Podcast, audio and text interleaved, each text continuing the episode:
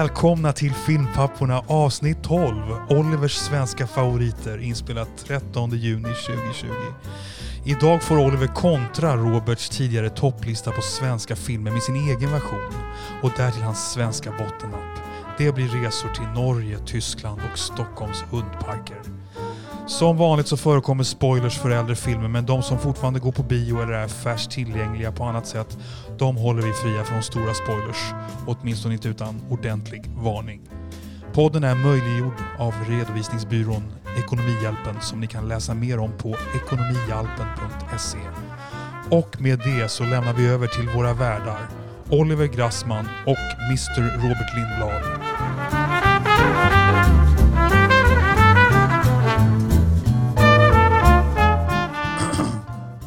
Precis när jag satte på hennes hoster. I'm so sorry. Välkommen Robert, vi sänder inte live men vi spelar in hemma hos mig. Helt korrekt. Vi har bytt från Ekonomihjälpens lokaler hem till Olivers lokaler. Stämmer bra. Vad eh, sitter jag och tittar på i den här bokhyllan? Jo, en massa böcker varav många är filmrelaterade. Ja, du, du har öga för det här, snappar upp de filmrelaterade. Du kan säkert peka ut dem snabbare än jag tror jag. Jag hittar The Film Guide som ju sticker ut. Ja. En väldigt tjock bibel där. Nummer sex. Film Guide nummer sex. Från företaget Virgin. Okej. Ja. Ja just det, den, var, den är väl lite känd där. Det är väl den och Leonard Maltons som var de stora filmguiderna borta i USA om jag förstått det rätt. Precis. Vi hittar ju Gudfadern. Ehm, En bok om Gudfadern.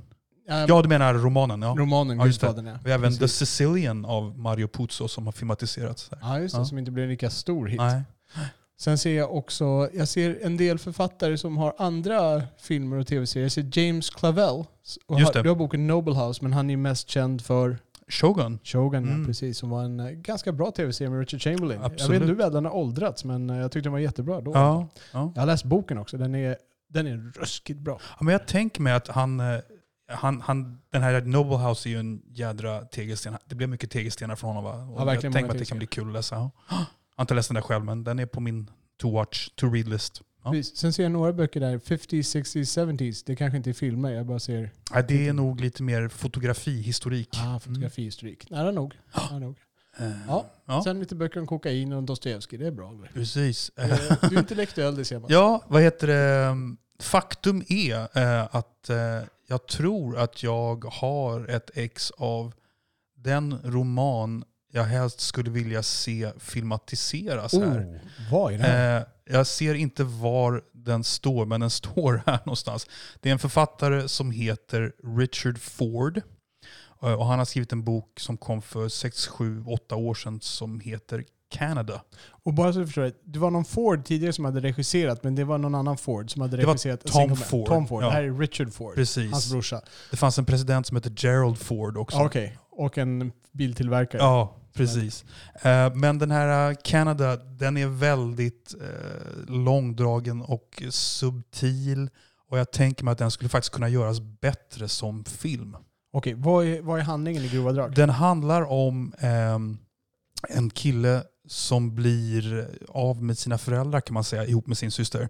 Eh, hans föräldrar begår ett brott. De, de rånar en bank och sen så råkar de även döda någon person. Och de hamnar bägge i fängelse, var på eh, den här killen och hans syster skickas upp till Kanada hos, hos någon släkting eller vad det är. Okej, så de var från USA men nu skickas de upp till Kanada? Ja, precis. Eh, jättesorglig eh, bok eh, som jag faktiskt... Men eh, inte någon jättebra bok tycker jag. Den blev så här total kritikerhyllad och jag fick plåga mig igenom boken för att den är så långsam tycker jag. Men jag tror att den här skulle kunna göras skitbra som film där man får fylla ut med lite mer dialog. Där man faktiskt får... För det är bra, det är bra eh, personporträtt av mamman och pappan framförallt. Eh, jag tror att den här boken skulle komma till liv på film. Okej. Mm. Kan, kan jag ta den här stunden och egentligen faktiskt glida in lite grann på ett ämne som jag är lite nyfiken på? För att vi har ju, vi har ju lite olika val av filmer vi ser. Jag, jag gillar de här lite mer glättiga och du kan gilla de här lite mer tunga filmerna. Ja, du, du spetsar till lite mer. Ja, jag spetsar till det. Ja. Precis. Lite hårdraget. Mm. Eh, och jag undrar, vad, vad är, jag sitter och lyssnar på den här handlingen och det finns ingenting i den här filmen jag vill se. Jag vill inte se, de här, jag vill inte se den här självspäkningen heller om jag överdriver det Ja. lite grann. Och jag förstår att man kan göra ett jättebra hantverk av det här och att det, det är möjligt att det finns en sensmoral i det här, Mm. vi kan alla lära oss eller någonting. Men varför, varför ska den här filmen göras? Vad, är, vad blir grejen för dig? Liksom? Ja, men jag inte, du pratar ju ofta om det här med... Du pratar ganska ofta om vad är budskapet, vad kan man koka ner saker till för budskap och så här. Jag har gjort det ganska mycket med den här podden i alla fall. Ja, absolut. Eh, och jag har, jag har inte så lätt för det med att koka ner någonting till ett budskap. Jag tänker framförallt att det är ett bra... Jag, jag ser bra personporträtt framför mig. Och sen eh, om du då frågar varför, och det är ju lite underförstått, och var, varför ska man sätta ihop den här deppiga sörjan är ju vad du antyder. Ja, lite. exakt. Helt klart. Ja, eh, den har en, en ganska, eh, ett ganska triumfatoriskt, eh, triumfatoriskt är fel ord, men, men eh, det går inte, nu avslöjar jag, men det, det går inte fullständigt åt helvete för den här killen. Utan han, det här är liksom en, eh, vad säger man, det är en... eh, Silver lining? Ja, jag ska inte, den är inte lika glättig som filmen Silver Nej. Lining. Men alltså den, den här författarpersonen, alltså berättarrösten, han är vuxen och ser tillbaka på detta. Och man, man anar att det har gått ganska bra för honom trots de här fruktansvärt traumatiska omständigheterna. Okej. Ja. Så det, jag skulle inte säga, vi får ta ett, ett enskilt avsnitt du och jag om det här med vad är en deppfilm och vad är inte en, en deppfilm tror jag. Okej. För eh, jag vet inte riktigt, för mig, du, du lägger ju, jag kanske lägger ribban lite, vad säger man, lite, lite högre eller lägre för vad, för vad depp faktiskt är. Ja. Eh, men jag tror att du och jag har enats ganska mycket om det. Att, att det som definitivt är en, är en deppfilm, det är ju när, när, eh, när, det liksom inte, när det inte finns något hopp. Eh, och jag tycker så här, en, den största indikatorn för vad en, en riktig deppfilm är, det är när man ser en karaktär som fattar så dumma beslut när det finns möjlighet att, att förbättra saker men det går fullständigt åt helvete på grund av karaktärens dåliga inställning. Man ska säga. Och för mig är så här, en, en, den, en av de ultimata deppfilmerna för mig det är filmen uh, The Wrestler med Mickey Rourke ja, just det. Ja, minns du den? Jag har inte sett den. Du har inte sett den? Så den, ska, You are, in for, you are in for one hell of a depp treat. Ah, Okej. Ja, vad skönt. Ja. Jag blir ännu mer sugen på att se den. Ja, ja. All right. Okej, men eh, ett avsnitt, eh, tema depprullar. Topp tre depprullar. ja. Eller blir det botten tre depprullar? Och... Ja, det, jag vet inte. Del ett får bli när vi definitionsförtydligar. Eh. Ja, en och en halv timme definierad depprulle. precis. Ja, det är bra. Vi, vi tappar lyssnare per sekund där. Men det är roligt för oss. ja, helt klart. Ja. Det är det som är meningen. Yes. Eh, vi, har, eh, eh, vi har tema idag. Mm. Och eh, idag är det de topp tre bästa, Svenska filmerna enligt mig. helt klart, Ja. Oliver Grassmans topplista. Ja. Jag har dragit min topplista tidigare. Mm. Och där kanske det var lite glättigare. Kan man gissa det? Ja, Mm. jo, jag skulle säga att det finns, du hade en som är ganska deppig, en som är glättig Ja. och en som är i gränslandet. Ja, just det. det Och, säga. eh, ja. Och, det, och mina, den deppiga vann. den deppiga vann, helt klart. Det, Ja. det, den deppiga då är ju Snabba Cash. Och sen har vi, eh, hade jag som tvåa Fanny Alexander. och som trea Eh, Sällskapsresan 2. Sällskapsresan 2. Ja. Ja. Ja. Jag har ju tittat på de här filmerna som du har lagt med på din lista. Jag vet vilka filmer det är, men jag vet inte ordningen ännu. Nej. Jag, jag anar ju vilken som är bottennappet helt klart. Men eh, ja, ordningen på de övriga är, vet jag inte. Jag, har- men jag har tittat på alla tre och det är en av dem som jag som definitivt lägger sig som en bubblare hos mig. Men det kommer vi in på senare. Som en bubblare som den bästa menar du? Eller som bubblare som... Bubblare att vara med på min topp tre. Ah, okej. där. Ja. Mm. Mm. Eh, Men eh, vi har, eh, vi har veckans filmfråga, hade jag tagit med mig där. Förra Mm. gången så pratade vi om när vi hade blivit verkligen besvikna på en film. Mm. Har du någonsin blivit osedvanligt glatt överraskad av en film? Många gånger. Det starkaste minnen jag, minnet jag har av att ha blivit positivt överraskad, det är faktiskt, nu kommer vi in på en, en riktig artsy-fartsy film här. Jag var tonåring och min mamma släpade med mig på, jag tror att det var på, det var på någon sån här riktig liten smal biograf på Östermalm tror jag var, eh, Fågelblå. Eh, och det var då filmen La Strada av eh, italiensk regissör, den största av dem någonsin enligt alla historiker. Bara därför så glömmer jag bort det. Federico Fellini. Såklart. Ja. Anthony Quinn spelar den manliga huvudrollen. Han är någon slags eh, cirkusman som har som någon slags gimmick att han typ knäcker eh, kedjor över sitt bröst. En stor stark kar. Eh, och han, eh, hans vägar blandas ihop med en, en kvinna som spelas av Giulietta Giulia- Giulietta Massina som var gift med Fellini, eh, skådespelerska. Och, och Men det är en italiensk film. det är en italiensk Med film. ja. Anthony Quinn. Ja, jag har för mig att de, dub, de dubbade honom. Så Okej. att säga. Ja, och det är Varför svartvitt. Ja. Spagettivästern. Eh, och eh, jag minns inte så mycket av, av handlingen faktiskt. Eh, ska sägas att det är, det är snarare Julietta Massina som är huvudrollen, inte Anthony Quinn. Men, eh, men den har så här sorglig, rolig på en gång film. Och jag bara, när jag gick dit var jag så här, ah, mamma, ja, du ska värna om min jädra kultur.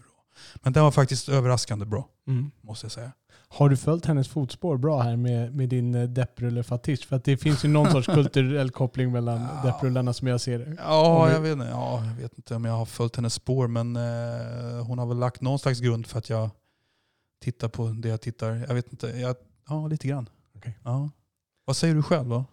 Ja, jag var iväg med eh, min kompis Björn för länge sedan och vi var och såg Seven, men inte den filmen som är min eh, positiva överraskning. Och sen när vi hade sett klart den så tänkte jag, vad, ska vi göra nu? Liksom? Ja, vi tittade på den här eh, listan där, liksom. det var sent, vi var på filmstaden Sergel som var ganska ny, jag tror den var splitterny på den tiden. Mm. Vi, vi, ah, vi bestämde oss för att ta en film till. Så då såg vi en som hette Det misstänkta. Ja, vi, Usual suspects. Ja, Ja. Så vi tar den, vi går in och vi tänkte liksom, ah, vi bränner bara av kvällen, liksom, sitter och äter lite mer popcorn och tittar Okej. på det här. Men då måste jag bara fråga, var ni så här, hur tänkte ni så här, ja men Seven var så jädra bra, vi, vi har energi nog för att se en film till? Eller hur tänkte ni? Ja, lite grann. Alltså Seven var en förbaskat bra film. Och vi, liksom, kvällen var ung för oss då. Vi var unga, vi visste inte vad vi gjorde. Nej. Ja, men det, så det, ja, exakt. Vi, vi, hade, vi var sugna på att göra någonting mer. Vi ville inte avsluta kvällen där. Det hade varit en så bra film. Så vi, vi tänkte att vi skulle ta en till då. Eh, Okej. Och då blev det de misstänkta. Och det måste vara den absolut bästa filmkvällen liksom, sett i Mm. snittbetyg där. För det, Usual Suspects då är ju en fantastiskt bra film tycker jag. Ja, jag har, bara, jag har bara sett den en gång. Jag måste ju se om den någon gång för att liksom se allting med, med någon slags eh, blueprint eller vad man ska Ja, säga. när man vet Ja. slutet ja. För den innehåller ju en twist som vi inte behöver slänga ut här. Nej. Nej, så det, det blev jag eh, väldigt positivt överraskad till och jag tror inte jag behöver dra handlingen Nej. eh, om det misstänkta. Om ni inte har sett filmen Det misstänkta med bland annat Gabriel Byrne, med, Benicio del Toro, med Kevin Pollack, och Baldwin, vilken av dem? Bengt-Åke, Bengt-Åke Baldwin, tack Ja. för det. Steven. Och sen givetvis, Um, Pete Postlethwaite ja det också, men vi letar ju efter eh, Kevin Spacey. Kevin Spacey, tack. Får jag fråga dig, eh, topp tre skådespelarinsatser i den filmen? Från, sämst, eller från brons till guld. All right. Ehm, då måste jag, eh, okej jag ska rangordna dem där. Det är ettan, tvåan, trean. Eh, då säger jag, trea får vara Gabriel Byrne, för han är ju ändå på något sätt den som bär filmen lite grann på ett sätt. Kevin Spacey blir tvåa.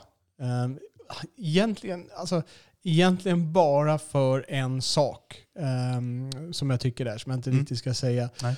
Och sen etta är Benicio del Toro. Ehm, och det är, det är lite funky, men det, det är han jag kommer ihåg bäst som sticker ut. Han är kingen faktiskt. Ja, för han, han spelar en...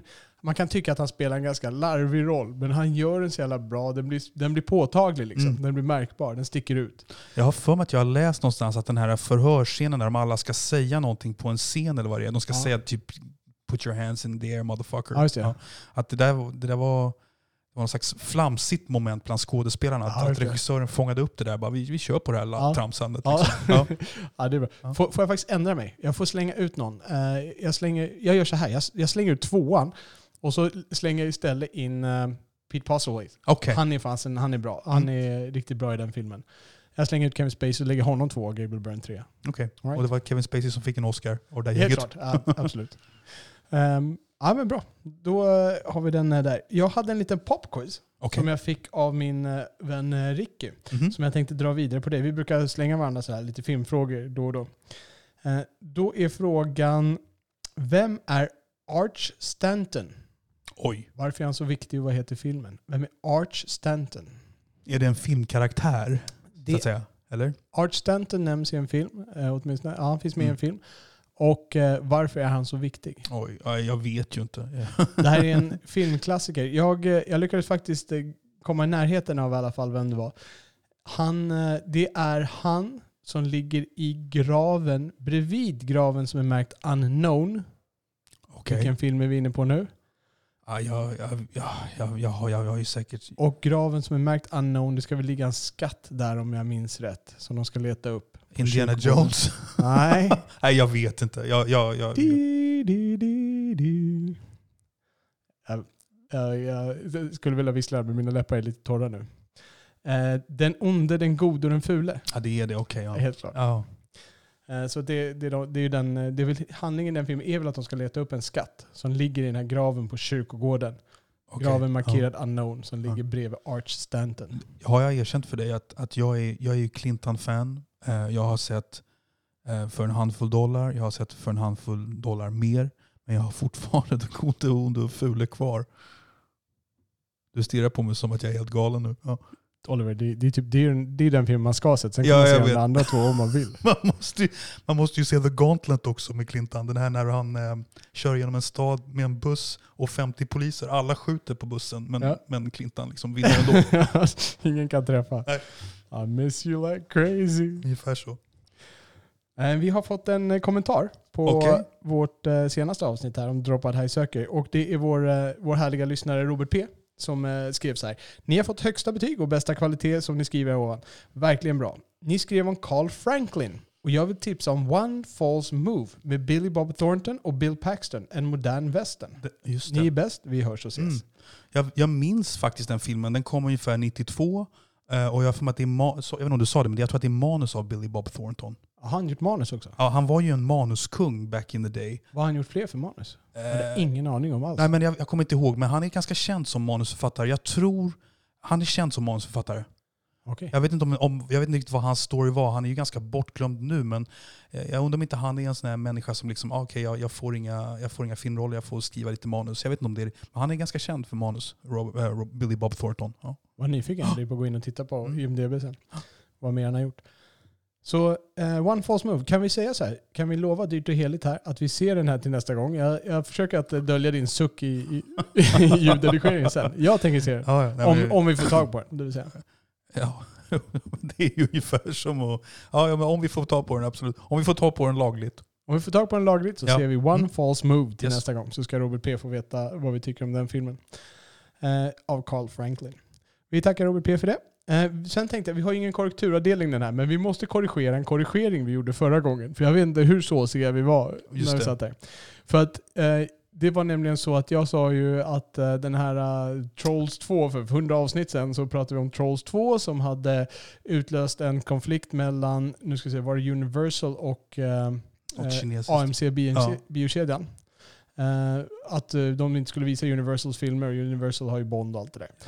Eh, hur som helst så, jag sa att det var som skotten i Prag som utlöste första världskriget, men det var givetvis skotten i Sarajevo. Precis. Vi, vi samlade bort den där på något sätt och lyssnade inte på vad den andra sa. Eh, och det är skotten i Sarajevo och vi tackar Birgitta Bellman för att hon håller oss korrekta. Verkligen. Vår lyssnare Birgitta Bellman. Med det Oliver, Ja, är det dags. underbart. På Bra- mitt bra eh, eko här i ditt- svindyra bord. Nej, jag skojar. Ja. Du? Bra eko i ditt rum. Ja. Så ska vi se, ska vi kasta oss in utan eh, vidare fanfar på nummer tre. Så nu är det de tre bästa svenska filmerna. Är det något särskilt sätt du har eh, tänkt på när du har eh, rangordnat de här? Eh, jag vill börja med att säga att eh, jag tycker mycket om svensk film, men jag kan inte komma på en enda svensk film som jag liksom har sett om förrän nu. Jag såg om de här inför idag. Eh, men, så att det här blir ju liksom, de här tre filmerna jag har valt, det, är- det är liksom förknippat med bästa minnet eller vad man ska säga. Mm. Alltså som jag minns det. Och jag måste säga att eh, eh, det finns några contenders som hade kunnat trilla in på på tredje platsen eh, Baserat på minnet och hur jag nu såg de här tre filmerna och så vidare. En bubblare, en bubblarpott alltså? Ja, vi har den här filmen Darling, kommer du ihåg den? Nej, Nej känner inte igen alls. Eh, det är av, eh, vad sjutton heter han nu då, den här regissören? Han är även författare. Jag har någon bok här. Johan, han heter Johan någonting. Eh, den handlar om eh, en överklassbrud som blir arbetslös och som hamnar på typ McDonalds ihop med en äldre man som också har blivit arbetslös. Och han, har, han är liksom på gränsen till utblottat, en liten vänskap däromkring. De, den filmen skulle kunna vara en contender. Sen lekte jag ju med den här filmen som jag pratat om ganska många gånger. Den här um, av han som regisserade Snabba Cash 3, Jens Jonsson, nämligen Ping Pong Kingen. ja, just det. När- come think of it så... eh, ja, den hade kunnat vara med här. Tror jag. Ja. Sen har vi då Fyra nyanser av brunt av eh, Killinggänget. Ja, du, du Ja. skickade mig ett klipp på den där jag såg. Jag har inte sett filmen själv. Nej. men- den tyckte jag var jättebra, men den, där var det så att det, det är en jättelång film. Jag tror den är typ tre timmar lång och det är eh, fyra livsöden, eller vad man ska säga, som de skildrar parallellt. Eh, och den var jättebra. Sen så visade SVT en version av den där och då hade de, liksom, då hade de shoppat upp eh, storiesen. Så man såg en story först Aha. och sen en story till och så. Eh, och när jag, då såg jag bara en av, ett av livsödena och den hade inte alls samma effekt som när jag såg hela filmen. Så det var bättre när man hade blandat livsöden, Ja. när man hoppade lite mer? Ja, och, men minnet av hur effektlöst det blev av att se en sån här grej, jag, att den, jag tänkte att den har nog, den håller kanske inte riktigt måttet för att komma in på topp tre ändå nu. Okej. Får jag glida lite på ett sidospår där? Mm. Gudfadern 2, när Ja. de gjorde den filmen, där är det två parallella stories. Du har dels Robert De Niro som spelar um, Vito Corleone som ung och sen så har du då um, uh, Al Pacinos öde som Mm. eh, han heter Hans bror, eller Nej, nej, heter- ja, Michael Corleone. Michael Corleone. Tack. Och från början så hade de mycket längre segment av vardera innan de bytte mellan de två historierna. Men Okej. den filmen blev inte lika uppskattad av publik. Så de hackade ner det så att det var kort, de bytte snabbare. Det var kortare segment med De Niro över till Al Pacino, till De Niro, till. Pacino. Det var test, testpublik alltså? Ja, testpublik. Så att de gjorde om, klippte om filmen ska jag säga. Okej. Efter, eh, efter den testpubliken hade sett den. Och det är kanske lite samma tema här. Jag vet inte om det är, för det är lite grann du säger, det, Mm. du fastnade mer för det när man hoppade lite mellan historierna. Och Ja. Det kanske är något mänskligt där, att, det, att vi, vi har lättare att hålla uppmärksamheten kanske. Eller Ja, kanske, när man får kanske, lite ja. ny input. Ja. Ja, det var Eh, tidospår. Vad har, du, har du någon fler bubblare? Nej, det var, det var nog den. Det var den, tror jag. Eh, ja, alltså, sen så måste jag ju säga att jag har många svenska klassiker kvar att se. Det har du också tror jag, eller? Ja, Ja. du har hjälpt mig att beta av eh, en i alla fall. Två ja, kanske. ja. Eh, jag, har liksom, jag har inte sett eh, Smultronstället av Bergman Nej, till exempel. jag är också svag på Bergman. Ja. Eh, sen så funderade jag på den här eh, som jag har sett men som jag inte riktigt eh, eh, embraceade som många andra. Den här Kvarteret Korpen av Bo Widerberg som var bra men eh, inte, inte topp tre. Ja. Eh, ja, men intressant.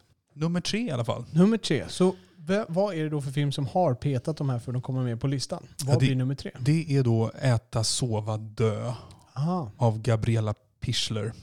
Som jag faktiskt såg om i morse inför denna session. Okej, Ja. intressant. Vad, vad handlar Äta, sova, dö om? Ja, det, handlar, det handlar om en, eh, en tjej som är i 20-21 års åldern som bor ihop med sin pappa. De bor i någon, i någon by i Skåne.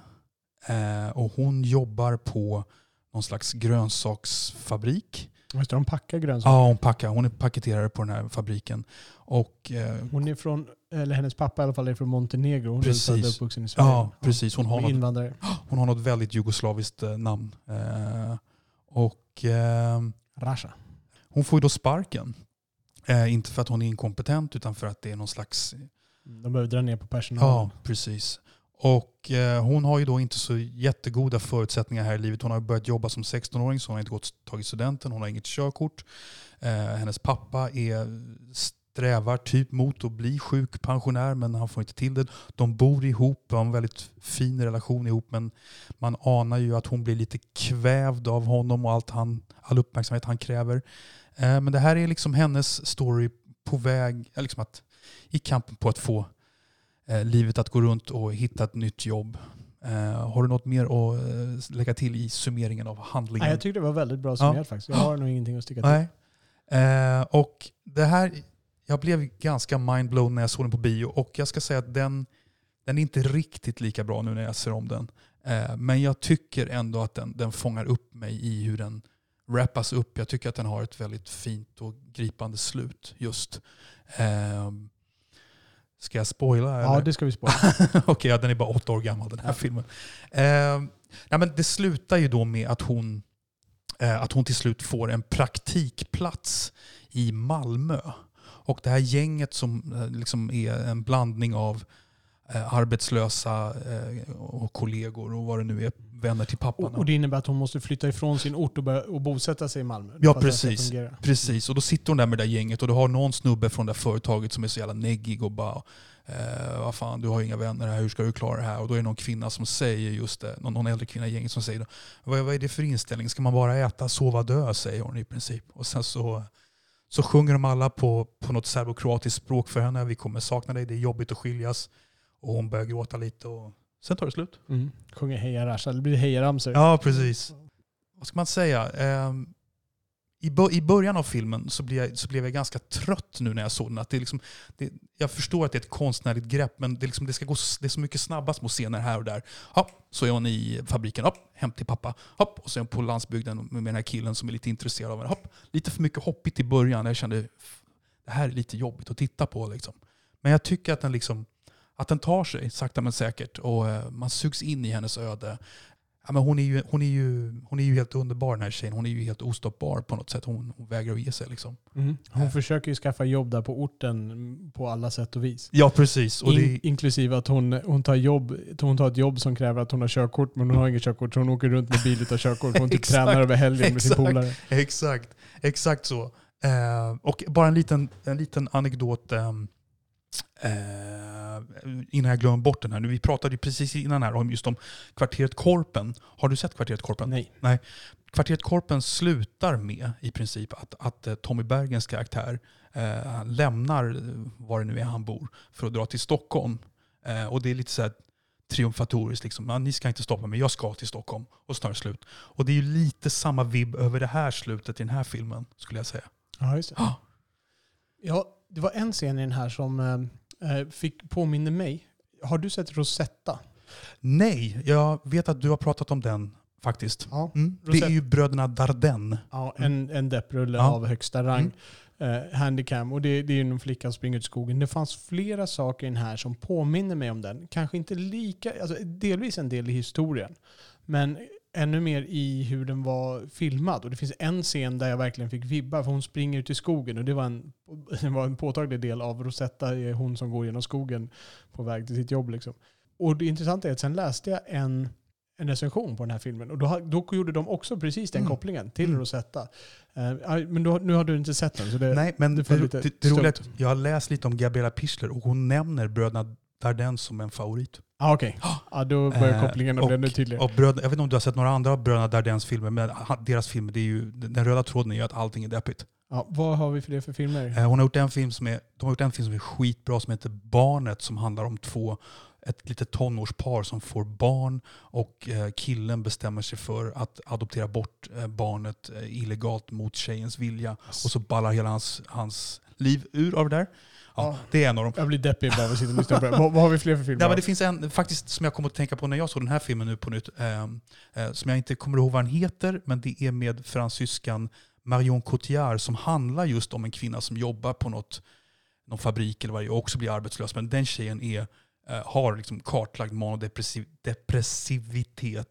och så. Där, där har du liksom den, den, den deppiga versionen av den här filmen skulle jag säga. För jag tycker inte att den här filmen är så deppig. Jag tycker den här är ganska, jag blir ganska glad av den. Men jag tycker hon är, hon är ganska ostoppbar ändå. Och jag tycker att, att det man hade kunnat göra en deppfilm om, det är ju den här killen i filmen.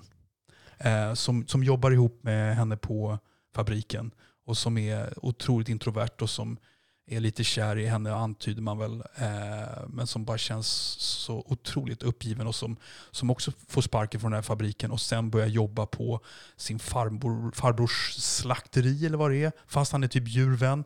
Där har du den riktigt deppiga storyn i den här filmen. Om du tycker att det här inte är en depprulle så är det nog för att du kommer från filmer som Barnet. Jag kommer från Indiana Jones, titta på när jag vill hänga med de första 30 minuterna. Så du tyckte den här var deppig? Ja. Nej, jag, jag tycker inte depp, alltså det är ju det är ju ett deppigt livsöde. Jag, jag kan säga att jag tycker den här filmen är fantastiskt välgjord. ja. Det, är, du, det går inte att inte bli indragen i den här historien. Mm. Jag, jag lever, jag känner med det här. Så den är fantastiskt välgjord.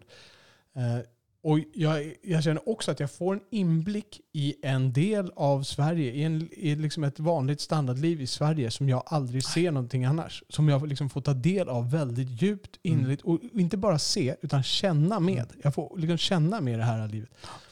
Och det, det kommer jag vara den här filmen evigt tacksam för. Eh, Men jag, jag måste ändå säga att det är en depprulle. Det är, en- det är en, det är en tjej som lever med sin pappa och de, Mm. det finns gulliga saker i deras relation. Liksom. De tycker väldigt mycket om varandra. Det är inget, det är inget negativt på det sättet. Men ändå, som du säger, hon är ju låst av den relationen. Och hon står och masserar honom med fötterna, ska hålla hans rygg. Liksom. Mm. Det finns ju inget snack om att hon har något eget liv. Hon ska dra in pengar så hon kan köpa en pizza den kvällen så att Ja, hon har visst. mat där. Och Ja. så, så att hon råkar jobba nästa dag och dra in pengar så hon kan köpa en pizza. Det är äta, sova, dö. liksom. Ja. Men, hon, men hon flyttar till Malmö på slutet. Ja, precis. Vad händer där Oliver? Ja, men jag, Ja. jag är hoppfull för den här tjejen. Ja, det är jag tänker bra. mig att hon har sån jävla bra inställning ändå. Ja, jag tar det gärna det. De kör en fotbollsramsa där. Det är, det är Ja. så positivt som det blir.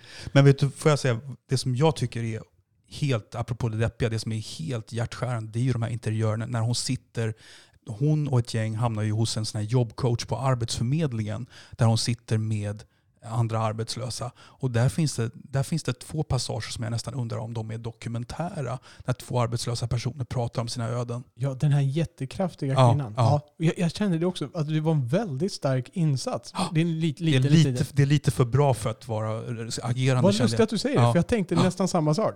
Det, Ja, och, och även den här uh, chaufförsnubben skulle potentiellt kunna vara uh, dokumentär känner jag. ja, han stack inte lika ut Nej. i mina ögon, men eh, ja, här men vad intressant att du Ja. säger det. För det var Ja. något som verkligen stack ut. Att, jäklar vilken bra birollsinsats där. Ja, ja, liksom, på en verkligen. pytteliten roll. Ja, verkligen. Men det och sen så, jag tycker att det, är- det är så, jag tycker det är så bra skildrat av det här med jobbcoach. Man, jag har aldrig varit på någon sån här själv, man har ju hört om sådana där jäkla jobbcoach-sessioner. Och jag tycker den där kvinnan är, att det är så spot on. Jag tycker hon, hon vill väl, det blir lite patronizing hur fan hon än Ja. gör. Men hon vill väl. Jag tycker det är så, det är så nyanserat gjort det där. Ja, och det, det, hon går inte över den här gränsen så att det blir nästan som en parodi på jobbcoach där hon går in och för glätte. Nej. Utan hon är nog sådär som de kanske skulle vara på riktigt. Liksom. Hon, Ja. hon, försöker liksom, hon försöker vara positiv men ändå realistisk på något sätt. Liksom. Mm. Ja. Mm. ja, men intressant. Vad ger du den här filmen för betyg och vem skulle du rekommendera den här filmen till? Men jag ger den en 7 av 10 och eh, jag rekommenderar den till alla som älskar film nästan. Jag tycker, men det är ju apropå det där du säger, att eh, man får se en helt annan värld än den man är van vid att se. Jag tror det är bra för alla, de flesta att vidga sina vyer och, få en liten inblick i det här. Jag tror att det är en fantastiskt nyttig inblick. Ja. Jag, satt, jag satte också en eh, sjua på den här Ja. filmen. Ehm, och det, sjuan är, det är ju egentligen bara för att det, det är inte en handling som tilltalar mig när jag kommer från. Jag vill se liksom äventyr och glädje och sånt där. Ja. Men det är ett jättebra hantverk och Ja. det visar den här bilden. Så att det är klart en sjua där. Mm. Så det var Äta, sova, dö. Ja. Ska vi eh, lämna den bakom oss Ja. och kliva över på andra platsen? Nu är det två filmer kvar. ja, och så här, Näst bästa svenska filmen. ja, så här Robert, jag har faktiskt en eh, delad första plats. Du kan inte välja mellan de Nej. här filmerna. Alltså vi har liksom, vi har två filmer. ehm, vi, vi, jag, jag, jag lämnar bägge två här och så får vi beta av dem en i, en i taget helt enkelt. Kan jag tvinga dig att separera här? Oliver, nu sitter vi här. Jag tvingar dig. Du måste ta en Ah. kniv och skära de här isär och välja vilken av de här filmerna är nummer ett och vilken Ja, är ja. nummer två. Okej, om, du, om du sätter en kniv mot mig då. Tvillingar föds samtidigt men någon kommer ut först. ja. eh, och den som kom ut först vann då eller? eller? Ja. Typ. Ja. Nej, men jag, ja, då sätter jag nog, eftersom du insisterar på det här så, så går vi in på det som då är tvåan. Mhm. eh, och det är Hamsun av Jan Troell. Ah, Ja. alltså. Eh, och Hamsun av Jan Troell eh, skulle komma etta om man ser till rent teknisk skicklighet. Eh, sen har vi då ettan som jag känner starkare för och som jag Precis. tycker väcker fler frågor. Så att säga. Och som har, som har fler imperfections än, än Hamsun. Mm. Men som ändå berör mig mer. Okej, vad intressant. Ja. Så låt oss, eh, om vi stannar kvar på Hamsun. Ja. Eh, stanna kvar, vi ska gå igenom den helt och hållet här. Ehm, berätta lite, vad är handlingen i Hamsun? Ja, men det, det handlar ju om Knut Hansson och hans eh, relation till sin fru. Och för de som inte vet, vem är Knut Hamsun? Ja, eh, Nobelpristagare i litteratur, norsk författare. Norsk författare. Ja. Och, Och han eh, spelas av Max von Sydow. Precis, Det här är typ den bästa roll jag har sett av Max von Sydow tror jag. vilket jag kan instämma i redan nu. Ja. Ehm, vad, ehm, här, att kalla den här filmen svensk, det är ju, det är, man får sträcka på sig lite grann. Ja, Ehm, för att det, är, det handlar om en norsk person. Ja. Den utspelar sig i Norge. Och merparten av skådespelarna är norrmän. ja. Men regissören är Jan Troell, som är, svensk regissör Ja, som och Max von Sydow är, svensk. Ja. ja. Så har du då Knut Hamsuns fru som spelas av Gita Nörby, danska. Mm. Och Max von Sydow har sin dialog på svenska ja. och Gita Nörby kör på danska. Vilket är ett lite annorlunda grepp men som fungerar. Jag tycker det funkar. Ja. Eh, jag tror att det som, är, det som är, det slår mig nu, att det som är väldigt bra, det är ju att i princip öppningsscenen är ju när hon konfronterar honom. Och då etablerar de redan där att ja, hon pratar danska, han pratar svenska. Mm. Det är liksom första scenen. Och jag tror att det kanske är där man löser det genom att etablera det redan från början. Ja. Ja, det, ja, ja, precis. Jag tänker inte på det genom filmen trots att jag är den typen av person som skulle störa Ja. mig på sånt. Så att det fungerar. Men berätta lite mer då. Vad, Ja, nej, vad, vad är- hände med Hamsun? Ja, nej, men han, han dras ju in i, ehm, Det här är- Norges pro-Hitler, de, som, de i Norge som är pro-Hitler kan man Precis, säga. för det här utspelar sig under ockupationen när Tyskland ockuperar Norge under andra världskriget. Precis. Och Hamsun är ganska till åren Ja. vid, det här laget. Vad, vad, eh, vad säger du själv om det hela? Hur skulle man summera den här handlingen? Den är ju ganska utdragen. Ja, han, han fastnar ju då på, eller ja, han, han visar nazistsympatier. Och då måste man observera att det här är innan man visste någonting alls om koncentrationsläger och sånt där. Utan då är det nästan mer med den politiska ideologiska inställningen. Han är emot England och Mm. deras imperialism då. Precis. Så att han, han tar egentligen ett politiskt ställningstagande där. Och, eh, Frun han, förförs av Quisslings ja, retorik och kvinnans plats inom Ja. allt det här. Hon känner sig otroligt försummad av Knut Hamsun. Man anar ju att han har varit en ganska självisk person gentemot henne. Precis. Det finns en konflikt där de emellan som etableras ganska tidigt. Eh, I en scen som väl är så nära exposition man kommer där. För den känns som att den scenen är mest till för att etablera deras relation Mm. där. Men eh, det är nästan den enda gången man känner att det, det här är verkligen en expositionsscen. Ja, det hela handlar ju då om hans ställningstagande för eh, nazisterna, hur det påverkar, för han blir lite förrädare i vissas ögon. Eh, han och Quisling hamnar i samma påse. Och Quisling det var ju han som blev nazisternas knä, knähund och fick Precis. leda Norge då på pappret i alla fall, Mm. med, under ockupationstiden. Eh, och hans, hans namn har ju blivit synonymt nu liksom med, med förrädare. Man är en Quisling. Precis. Eh, och sen då hur, han, hur, det här, ja, hur, hans, hur det här påverkade hur det påverkar hans eftermäle vet jag inte riktigt om man kan säga, men ehm, ja, de går ju vidare efter att ockupationen har avslutats så går de ju vidare Mm. och visar vad som händer i, i efterspelet liksom, Precis. i hans liv. När Norge försöker göra upp med alla de som har stött, Mm. eh, visat stöd då för nazisterna. Det är en väldigt tidig scen också där, där en liten flicka kommer eh, till hans Mm. staket där och bara kastar över en bok bara min mamma sa att jag ska kasta tillbaka de här till dig. Ja, just det. För då, då etablerar de liksom att, eh, att han är dömd som förrädare i många ögon. Mm. Ja, så det, det är väl handlingen. Ja. Och eh, fantastisk skådespeleri. Ja, alltså både von Sydow och eh, Gita Nörby. Gita Nörby är ju en av den generationen, kanske den generationens kändaste danska skådespelerska. Men jag har inte riktigt sett henne i någonting annat. Men hon är helt jävla mindblowing tycker jag. Ja, hon är fantastisk. Och det är ju, det där är en roll, att, att spela den där rollen bra tror jag är makalöst svårt. För att hon, hon ska ju vara en ganska normal person. Hon är inte så excentrisk. Nej. Men sen försöker hon ändå, hon ser en chans då när nazisterna kommer, så hon en chans att få ta scenen lite grann och Ja. kliva ut ur skuggan. Och hon är ju faktiskt den som drar in Hamsun i mycket av det här Precis. Samarbetet med nazisterna. Eh, fantastisk roll där. Ja. Men även eh, många små biroller alltså. Ja. Det är barnen han har, som inte spelar så jättestora roller. Nej. Men de figurerar där då. Han har söner och eh, döttrar. Han både och va? Ja. Är det två söner och två döttrar? Jag minns två systrar och en, en, en son. Jag Ja. kommer inte ihåg om det kanske är två brorsor till och med. Men jag, ja, Ja. minst tre barn. Jag kommer ihåg det en scen där han sitter och trånar lite grann och, och funderar just på, på om han gör rätt eller fel ungefär. Och han, en av hans söner kommer. Och den scenen är så bra i sin enkelhet. För den här sonen får verkligen fram det här. som man skulle sitta, han, har en pappa som är lite gaggig och som sitter där och han vill både, han vill både hjälpa till och liksom, och, och, ja, kom igen nu drar vi liksom. Mm. Eh, och de gör det på så bra sätt. Det ser verkligen naturligt ut. De, det är inte två skådespelare som går in och läser dialog. Det är liksom en grabb som kommer där och bara ska ha med sin farsa därifrån men ändå vill hjälpa honom och lyssna på honom. Liksom, sådär. Det är många sådana här små saker i den här filmen. Och, ja, fantastiskt hantverk. Mm. Det, är inte, det är inte heller så bombastiskt. Nej.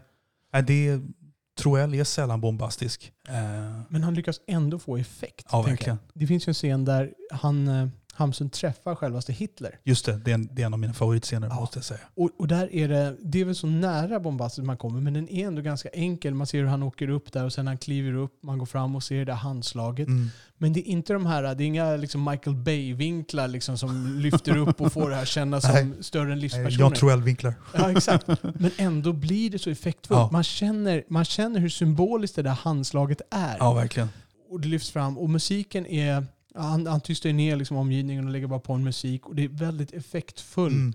Eh, väldigt välgjort. Um, och det, jag, jag vet inte, jag har inte sett så jättemånga Jan Troell-filmer men jag blev mycket nyfiken när jag Ja. såg den här. Ja, det här är ju min favorit Jan Troell-film. Eh, det här är liksom, tycker jag är Jan Troell at his peak. Hans filmer är ofta ganska, de jag har sett i alla fall, är, är ganska stillsamma, på gränsen till lite för stillsamma tycker jag ofta.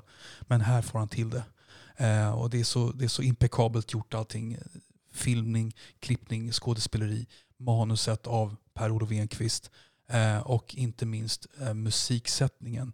Eh, det är framförallt hur han då använder det här kanske kändaste eh, Arvo Pärt-stycket eh, Fratres det. som han lägger små fragment av till och från. Och det är, ja, jag får rysningar när jag tänker på det. Ja, ja det är fantastiskt välgjort. Och Jan Troell, för de som inte känner till, vad, är, vad har han känd för? Alltså han har filmer. gjort eh, utvandrarna, eh, utvandrarna och Invandrarna med, Också Max von Sydow. ja, med Max von Sydow och eh, Liv Ullmann. Det är ju filmatiseringen av Vilhelm Moberg-böckerna. Eh, sen har han även gjort eh, Här har du ditt liv. Arbetarskildring eh, som bygger på en roman av Eivind Johnson. Mm. Sen har han ju gjort en eller två amerikanska filmer.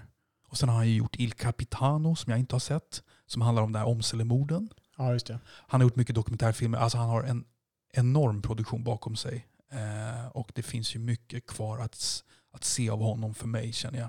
Eh, men jag har svårt att se att någon av hans filmer toppar den här faktiskt. Lever Jan Troell än idag? Ja. Är han Eh, aktiv idag?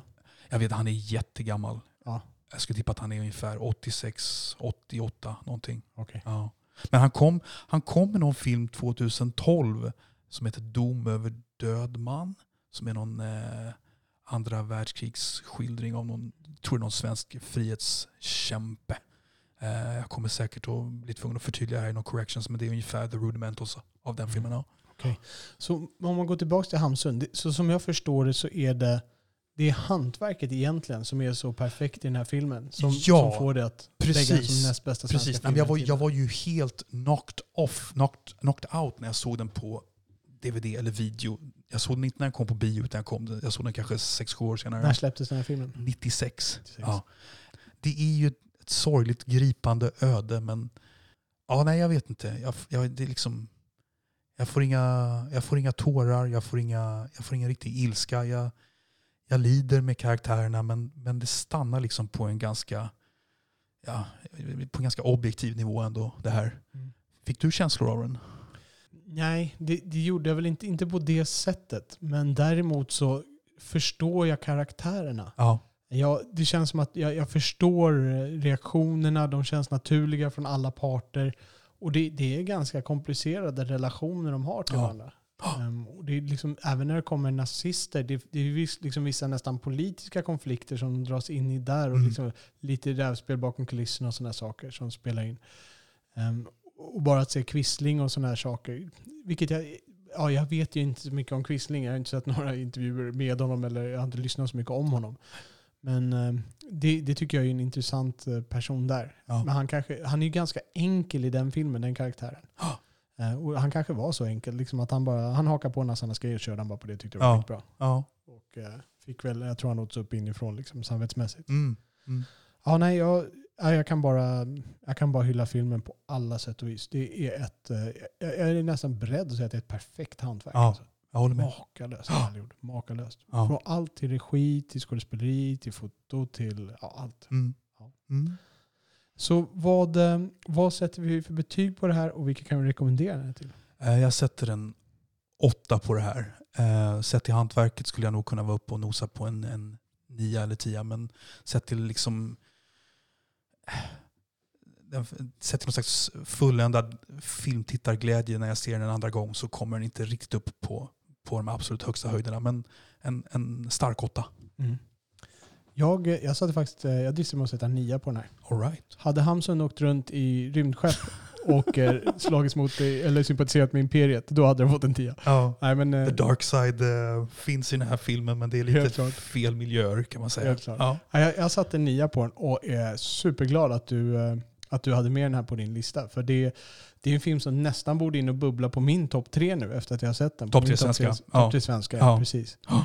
Och det är också den andra nian som jag eh, tittar på nu sen vi började med den här podden. Mm. Och det är kul också. Den första, kommer du ihåg vilken det var? Nej, jag gör inte det. Raging Bull. Ah, just det. gav jag Ja. en nia där Ja. också. Också en fantastiskt bra film. Nej, så det, jag, är, jag är jätteglad. Jag har lurat på en arbetskollega att eh, hon ska se den här nu, för hon har svårt att säga nej till saker. Så att, eh, nu ska hon få se Hamsun. Okej. Ja. Bra. Vem kan vi rekommendera den till? Eh, Historieintresserade, filmintresserade. Man- inte, ja, Man behöver vara beredd på att se drama. Ja. För det är ett drama. ja. Det är ingenting annat. Det är inte många skratt, det är ingen action. Inte. Men det är ett drama. Fantastiskt välgjort drama. Så är du, vill du se drama och ha lite historieådra, absolut. Och ge den, unna, unna dig denna film på en ganska stor skärm skulle jag säga. Ja, det kan jag hålla med om. Ja, men bra. Då, innan vi avslöjar vem som då är nummer ett som fick separeras vid födseln från Hamsun Ja. och eh, kliva in på det där, så tänkte jag att vi tackar Ekonomihjälpen. Nu kan vi inte skryta med att vi sitter i Ekonomihjälpens lokaler. utan eh, vi sitter i dina egna lokaler.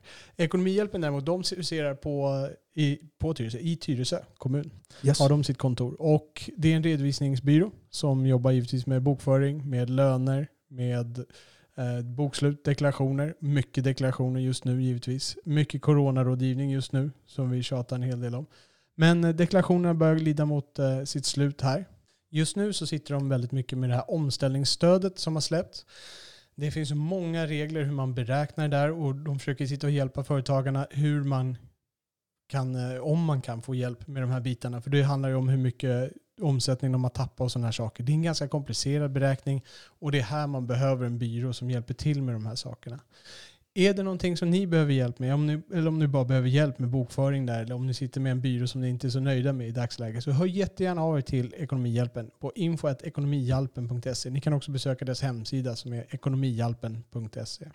Så med det så tackar vi Ekonomihjälpen och eh, glider över till nummer ett, inte inom redovisning, utan inom svensk film enligt Oliver Grassman. Och det är inte så illa det. Nej, Oliver Grassman. Nu med en trumvirvel. Vad är nummer ett? Återträffen, Av, Återträffen. återträffen av Anna Odell. Okej. Ja. Jag eh, blev lite förvånad. Jag med uteslutningsmetoden kunde märka att Hamsun inte var etta och att det då blev återträffen som Mm. var etta. Berätta, vad handlar återträffen om? ja, det är ju en ganska komplicerad handling. Ehm, Anna Odell spelar sig själv, kortfattat. Vem är Anna Odell? Anna Odell är en konstnär, svensk konstnär. Ehm, ganska eh, omtalad sådan. Eh, Anna Odells karaktär, vi kan kalla henne Anna, för hon heter det i filmen.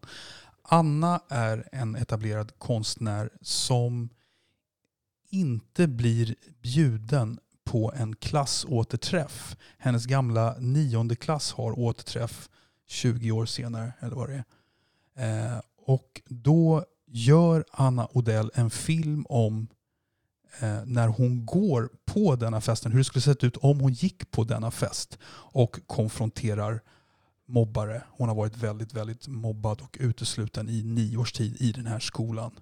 Eh, och i och med att jag berättar det här så blir det lite, det blir lite spoilers för er som inte har sett det. Man ser liksom, det är en första, första segment av filmen där man då får se det här. Eh, och sen eh, när hon har, när den här Så för att förtydliga Ja. det, i första halvan så ser man, då, då, då verkar det handla om en person som kommer till den här klassträffen och Ja. konfronterar sina mobbare. Precis. Man tror att det är handlingen i filmen. Ja, Men sen visar det att det var en film som den här mobbade personen spelade in för att hon inte blev bjuden. precis. Och sen går hon runt och konfronterar sina mobbare med att hon har spelat in en film och vill att de ska komma och titta på filmen. Mycket bra summerat Robert. Nej, men det, det är ju ganska, det är en ganska krånglig film. Eh, men, och den är inte utan flaws. Men jag tycker just att det här första segmentet är så jädra, så otroligt jävla välgjort. Gjort. Det är så eh, starkt när hon konfronterar de här elaka killarna. Eh, Och även en del tjejer. och en del tjejer också, precis. Eh, hon, eh, hon har inte, det, det är ju typ ingen på den där festen som har något till övers för alls egentligen. Eh, och sen då så steg två i filmen, då är vi typ i hennes lokal där man då snabbt fattar att jaha, okej, här har vi en av skådespelarna i filmen som kommer in i... En av de här skådespelarna i den här filmen hon har gjort är ju typ hennes eh, coworker, producent också. Det blir mycket meta i det här. Det blir så fruktansvärt mycket Det är en meta. skådis som spelar en skådis som spelar ett skådis som spelar denna skådis. Precis, och alla skådisar heter sitt eget förnamn i filmen också. Intressant. Ja. Eh, men allt det här meta, liksom det, det här yttersta meta, det, jag, det kan man liksom strunta lite i. Vad, vad som är sant och inte sant och hur mycket fabulerar Anna Odell och bla bla bla. Det är bara en bra story tycker jag det här. Eh, och den här första filmen i, min, i mina ögon, den lever ganska mycket på den här första delen som jag tycker är helt flawless nästan. Ja, den är, den är, jag tycker den är, ganska, den är ganska svår att prata om för att den är, så, den är så komplex, den här filmen, skulle jag säga. Men Anna Odells karaktär är inte världens lättaste person att ha att göra med heller. Utan det blir ganska mycket olika människors perspektiv på den här tiden och olika människors perspektiv på den här filmen. Hon kommer då träffa ett antal människor som får titta på den här filmen. Eh, och någonstans där på vägen så blir det ett litet detektivarbete. Man försöker komma på eh, vem som såg till att hon inte blev inbjuden till festen. Den personen vågar inte stå för det. Och då tänkte jag faktiskt på dig Robert när jag såg den här. Fattar du vem det var som såg till att hon inte kom på den här jädra festen? Det kändes som att det var ett, eh, ett, kanske ett outtalat, men ett gruppbeslut i alla fall. Ja. Ett mer eller mindre uttalat gruppbeslut. ja. För det verkar ju varit typ fyra personer som drog i inbjudningarna där och ingen, alla lät det liksom passera Ja. att hon inte var med. Och du har en kille då som, som känns otroligt ryggradslös på något sätt. Han, han som liksom kommer hem till henne och säger jag står för allt det här dumma jag har gjort och sen så märker man på något sätt att han, att han potentiellt är insyltad i ett sånt här gruppbeslut eller om det nu är han som har fattat beslutet. Ja, Jag vet inte, jag, jag tycker här, jag blev jätteberörd av den här filmen när det begav sig. Den håller fortfarande. Och jag tycker det är en bra gestaltning av eh, hur man kan se på saker på olika sätt. På något sätt. Eh, vad säger du om allt det här Robert? Jag tycker också det var en bra film. Ja. Jag var, jag var mer intresserad av den första halvan, som du säger lite grann. Den där som visade sig, visade sig vara den här filmen. Mm. Där hon konfronterar sina mobbare. Och jag visste ingenting om den här filmen. När jag satte på den, ingenting alls. Så jag sitter och undrar, kommer det här liksom spåra ut att hon börjar mörda de här eller någonting sånt där? Du vet, jag har ingen aning om det här. Du vet, min hjärna bara spelar vidare på olika grejer. Och det är liksom eh, halvvägs genom filmen, då blir hon utkasad, satt i en taxi och så körd iväg från den här festen då. Mm.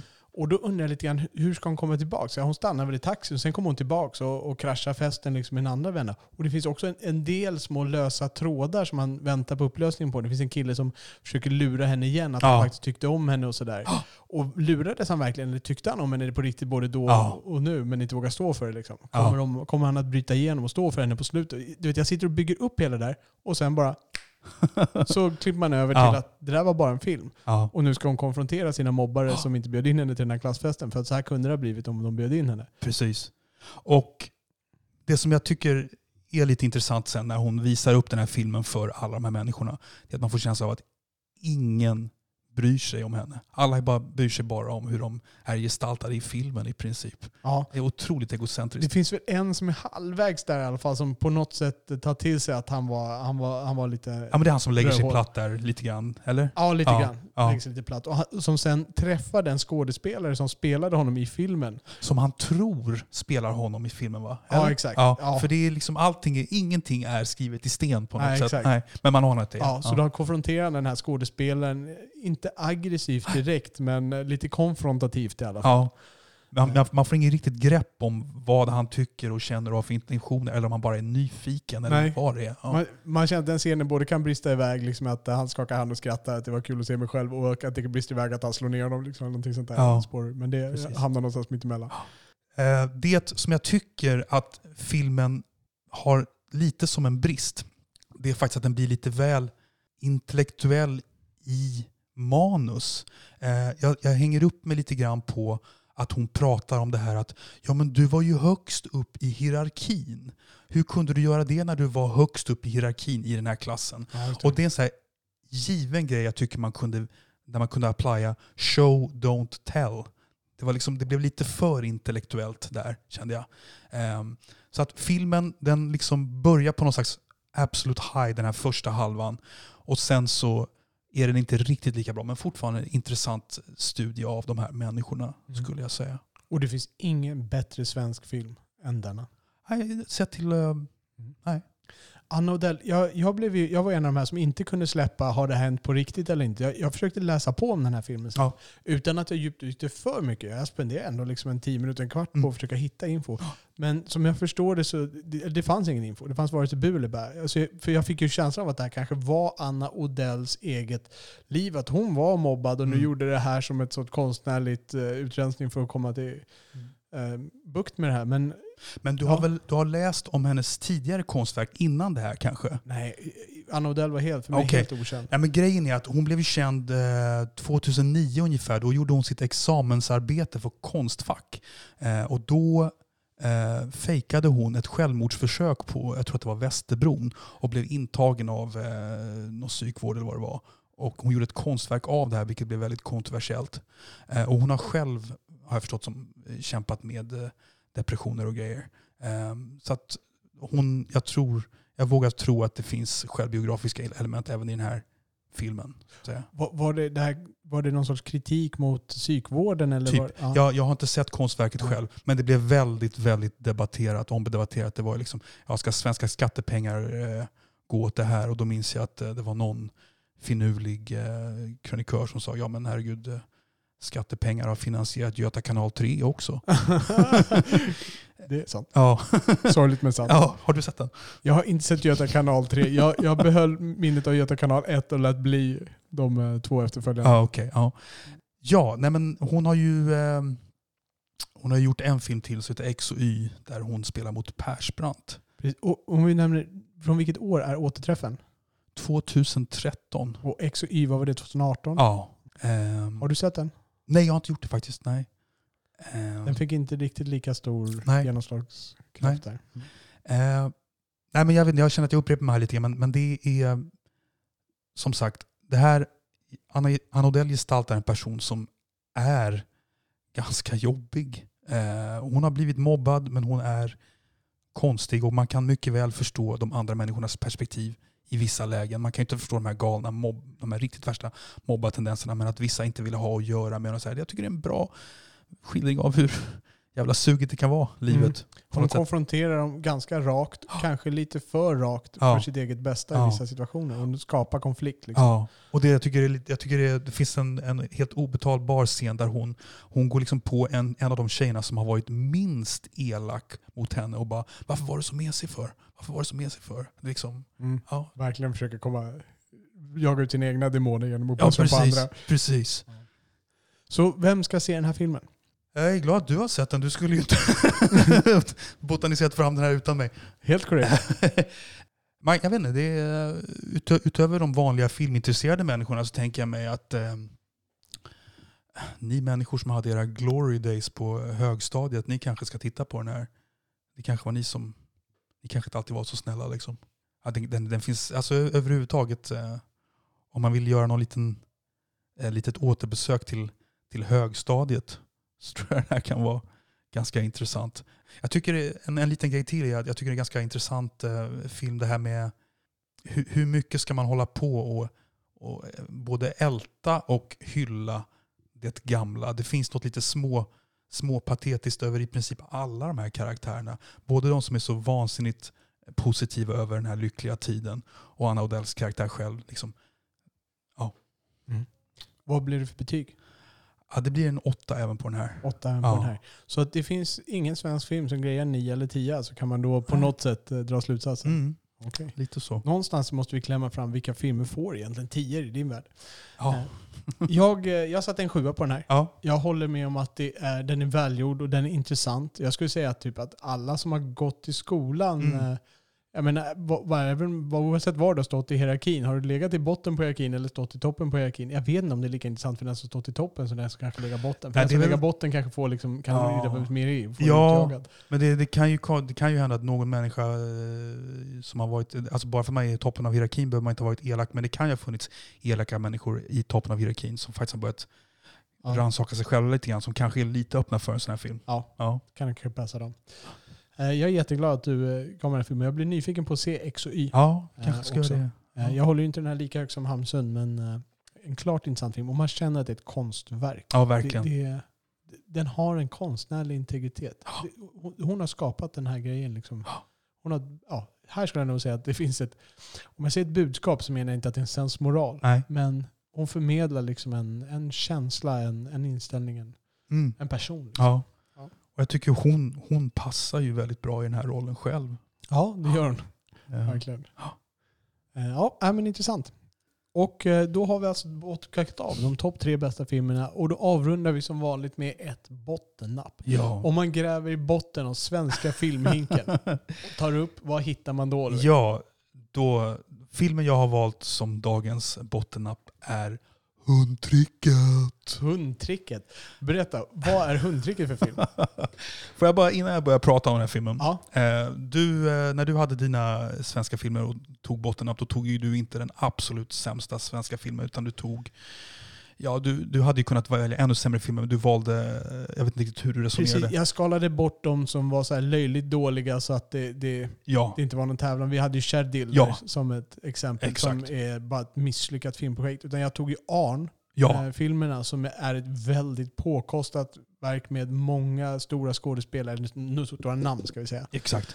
Eh, och som ändå blev bajs. Yes. Eh, och gud ska veta att det finns ännu sämre filmer än det här hundtricket. Men för mig är hundtricket det är liksom en symbol för komedier som Sverige inte ska göra. Jag förstår. Jag, jag kunde nästan ha skrivit de orden till dig. Jag förstod när jag satt och tittade på den här filmen att det, Ja, nej men alltså, jag, jag har faktiskt eh, tagit det konstnärliga beslutet att inte se den här jädra filmen inför idag.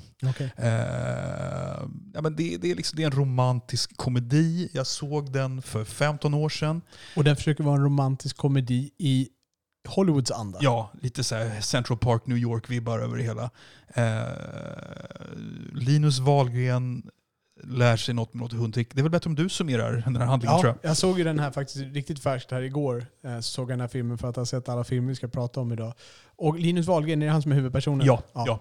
Eh, Han är då en person som är fascinerad av romantiska komedier. Alla Pretty Woman och hela den där konkurrensen. Officer och en gentleman. Ja. Jag vet inte om det, det är i och för sig inte en romantisk komedi, men en romantisk eh, film i alla Ja. fall.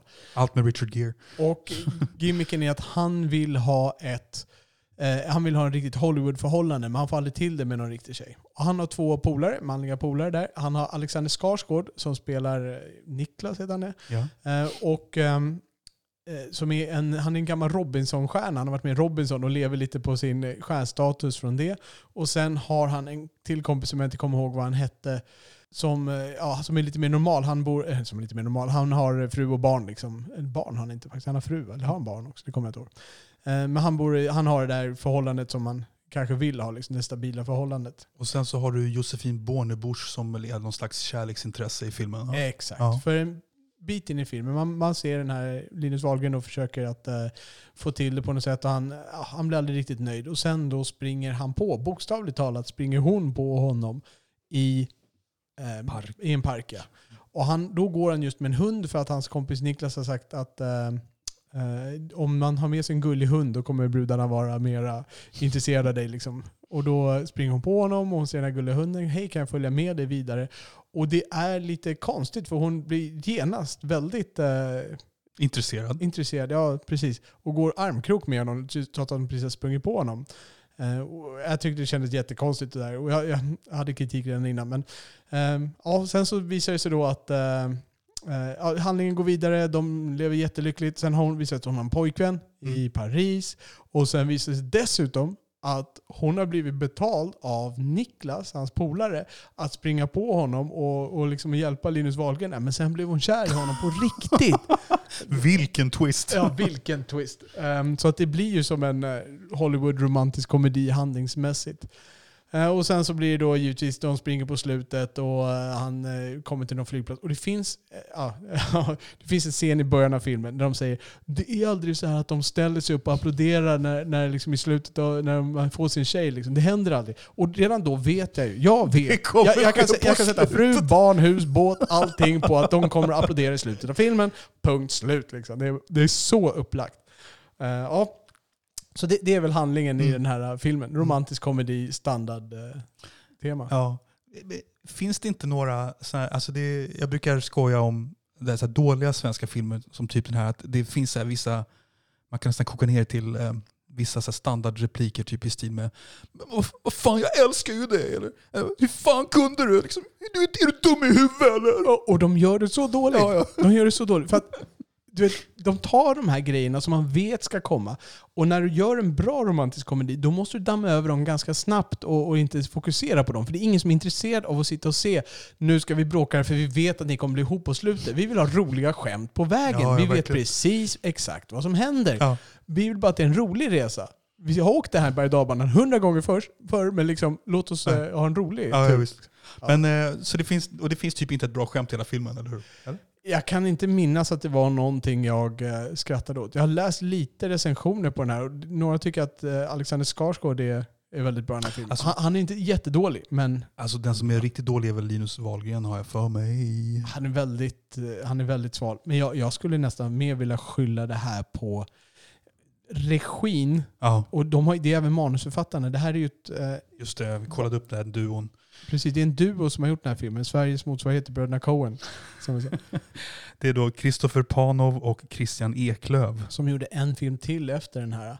De har även skrivit manus. Och jag förstår, jag ser vad det är de vill ute efter. Men jag, jag, jag, jag vet inte, jag, jag, jag kunde ha gjort den här bättre själv Ja, tror jag. ja. Manusmässigt och regimässigt. Alla utan att ha kunskap hur man för en kamera. Men i alla fall, jag ser ju vad de är ute efter. Mm. Men de gör det så himla dåligt. I början finns ett jättebra exempel på det här. Alltså den inledande kameraföringen. Den avslöjar hur dåligt det här är.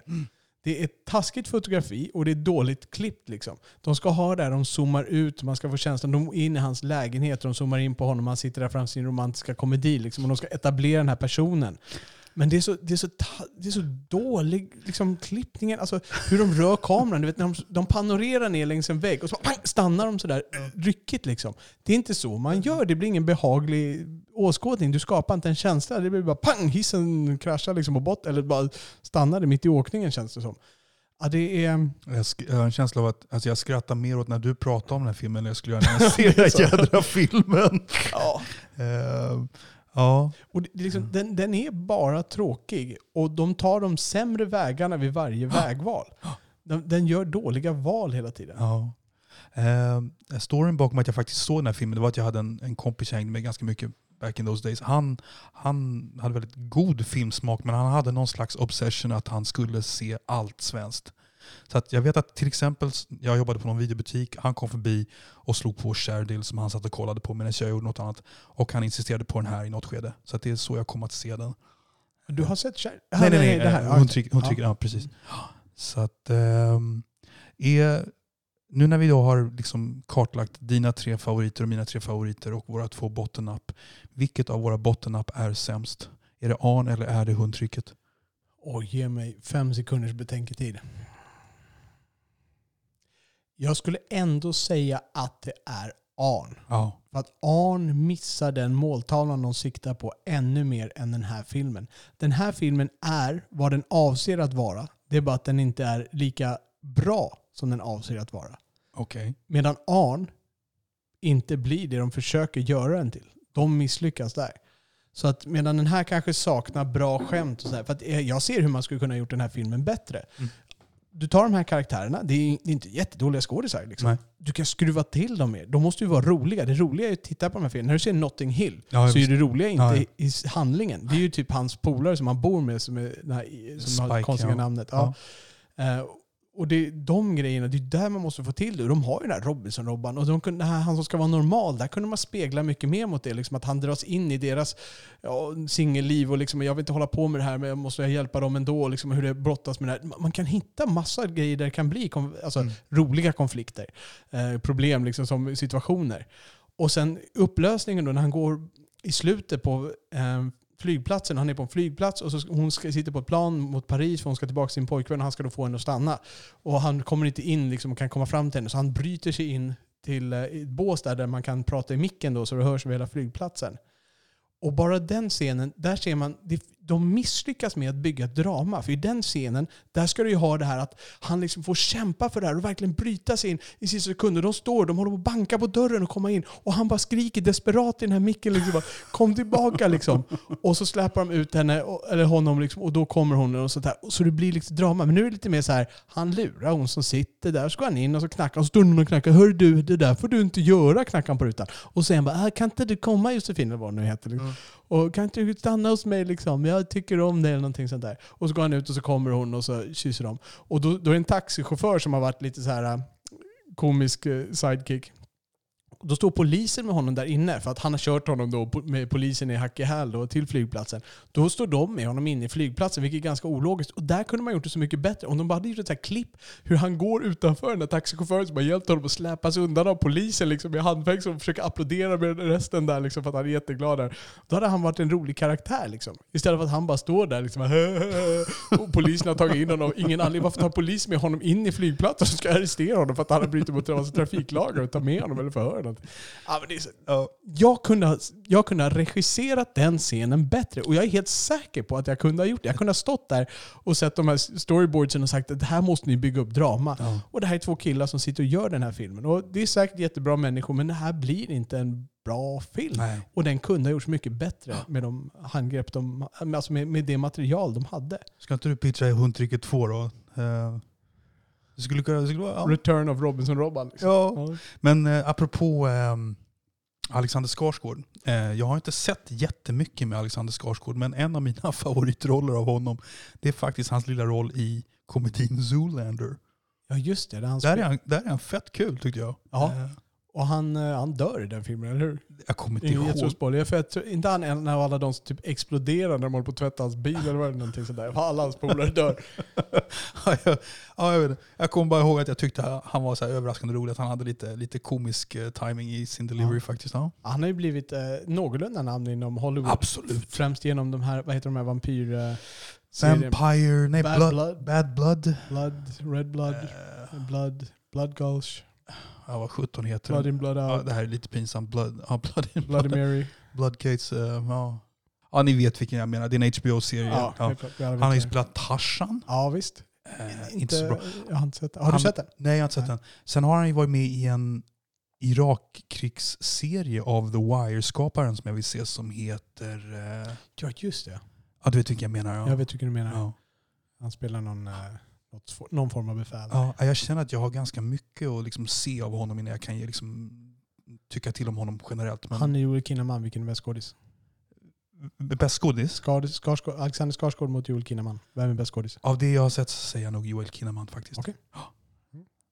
Och säg, vad säger du? Jag, vet, jag har inte sett tillräckligt mycket Alexander Skarsgård heller för att eh, våga mig på. Eh, jag har sett bättre grejer av Joel Kinnaman, ja. Ja. Men jag undrar om inte Skarsgård har högre potential. Ja. Men hamnar i dåliga ställen. Okej. Yes. Bra, då har vi eh, summerat det här. Vi Ja. har nu avgjort de mesta svenska grejerna. Du hade inte med någon av mina filmer alls. Fanny Alexander, var det, inte, var det en bubblare? Den, inte, den var inte ens med i din bubblarlista. Du hade ju inte med några av mina heller. Sant, sant. Men å andra sidan är jag lite smalare på svensk film. Jag hade nästan förväntat mig lite grann. Ja, du menar så. Ja, men grejen är att eh, jag lekte med tanken faktiskt att ta med Snabba Cash 2.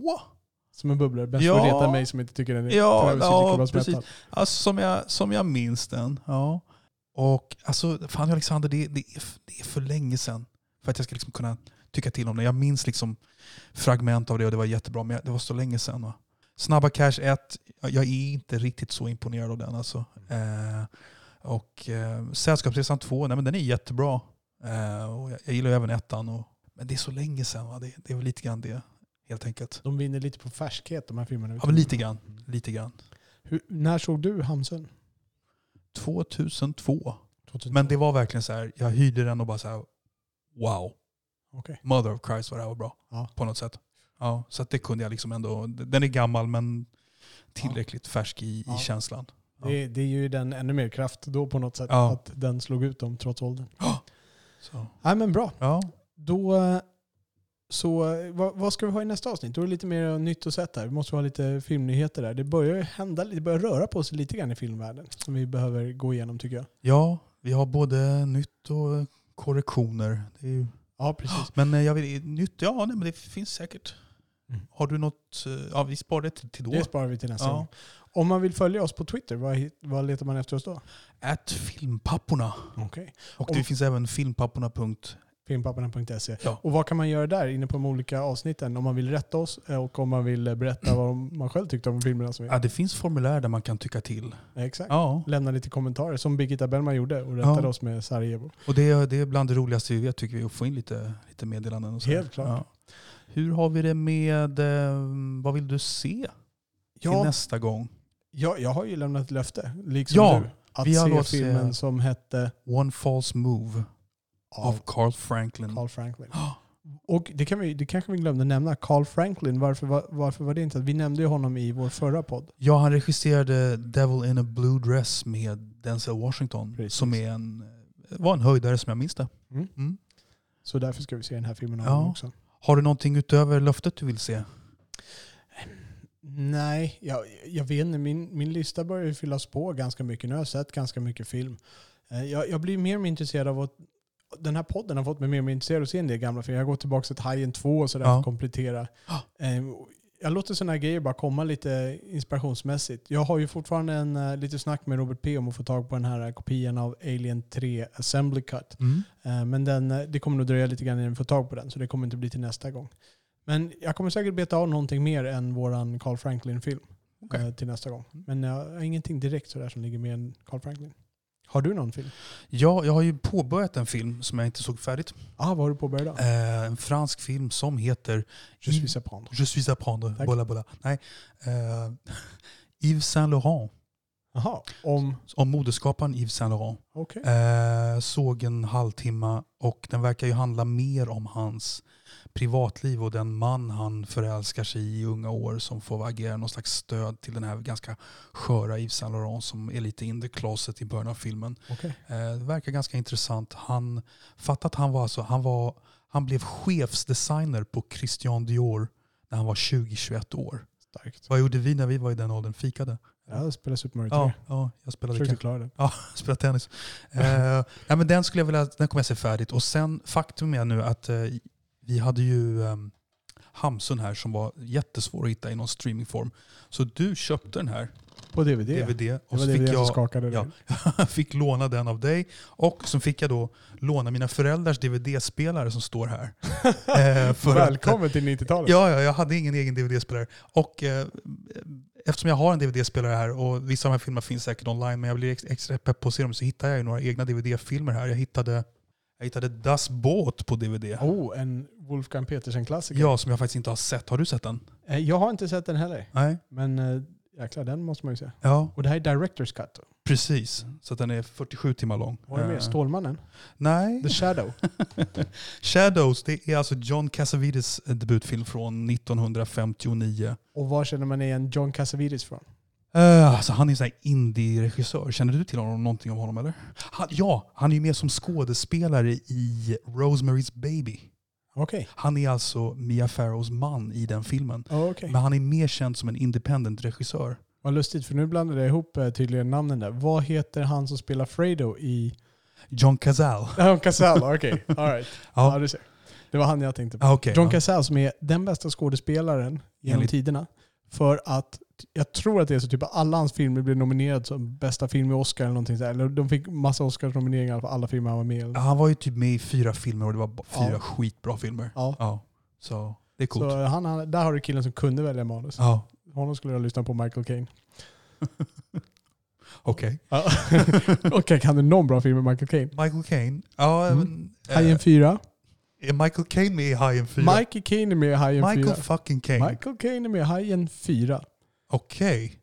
Eh, ja, han är med i några Batman-filmer.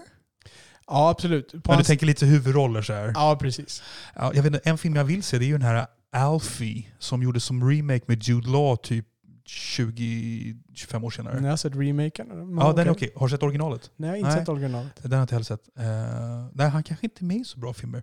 Han är med i... Uh, Jag tror han är med i Hanna och hennes systrar av Woody Allen.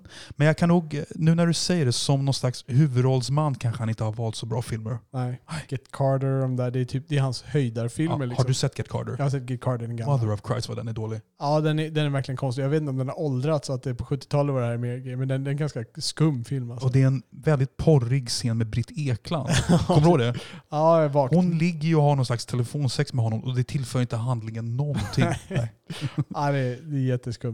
Nej, men eh, med det så ska vi se här. Vi, eh, ja, vi har väl inte så mycket mer att säga om det här. Utan vi, det. eh, vi wrappar ihop det här och tackar för oss. Ja, tack Robert. Tack Oliver. På återhörande. Tack för att ni har lyssnat. Ciao.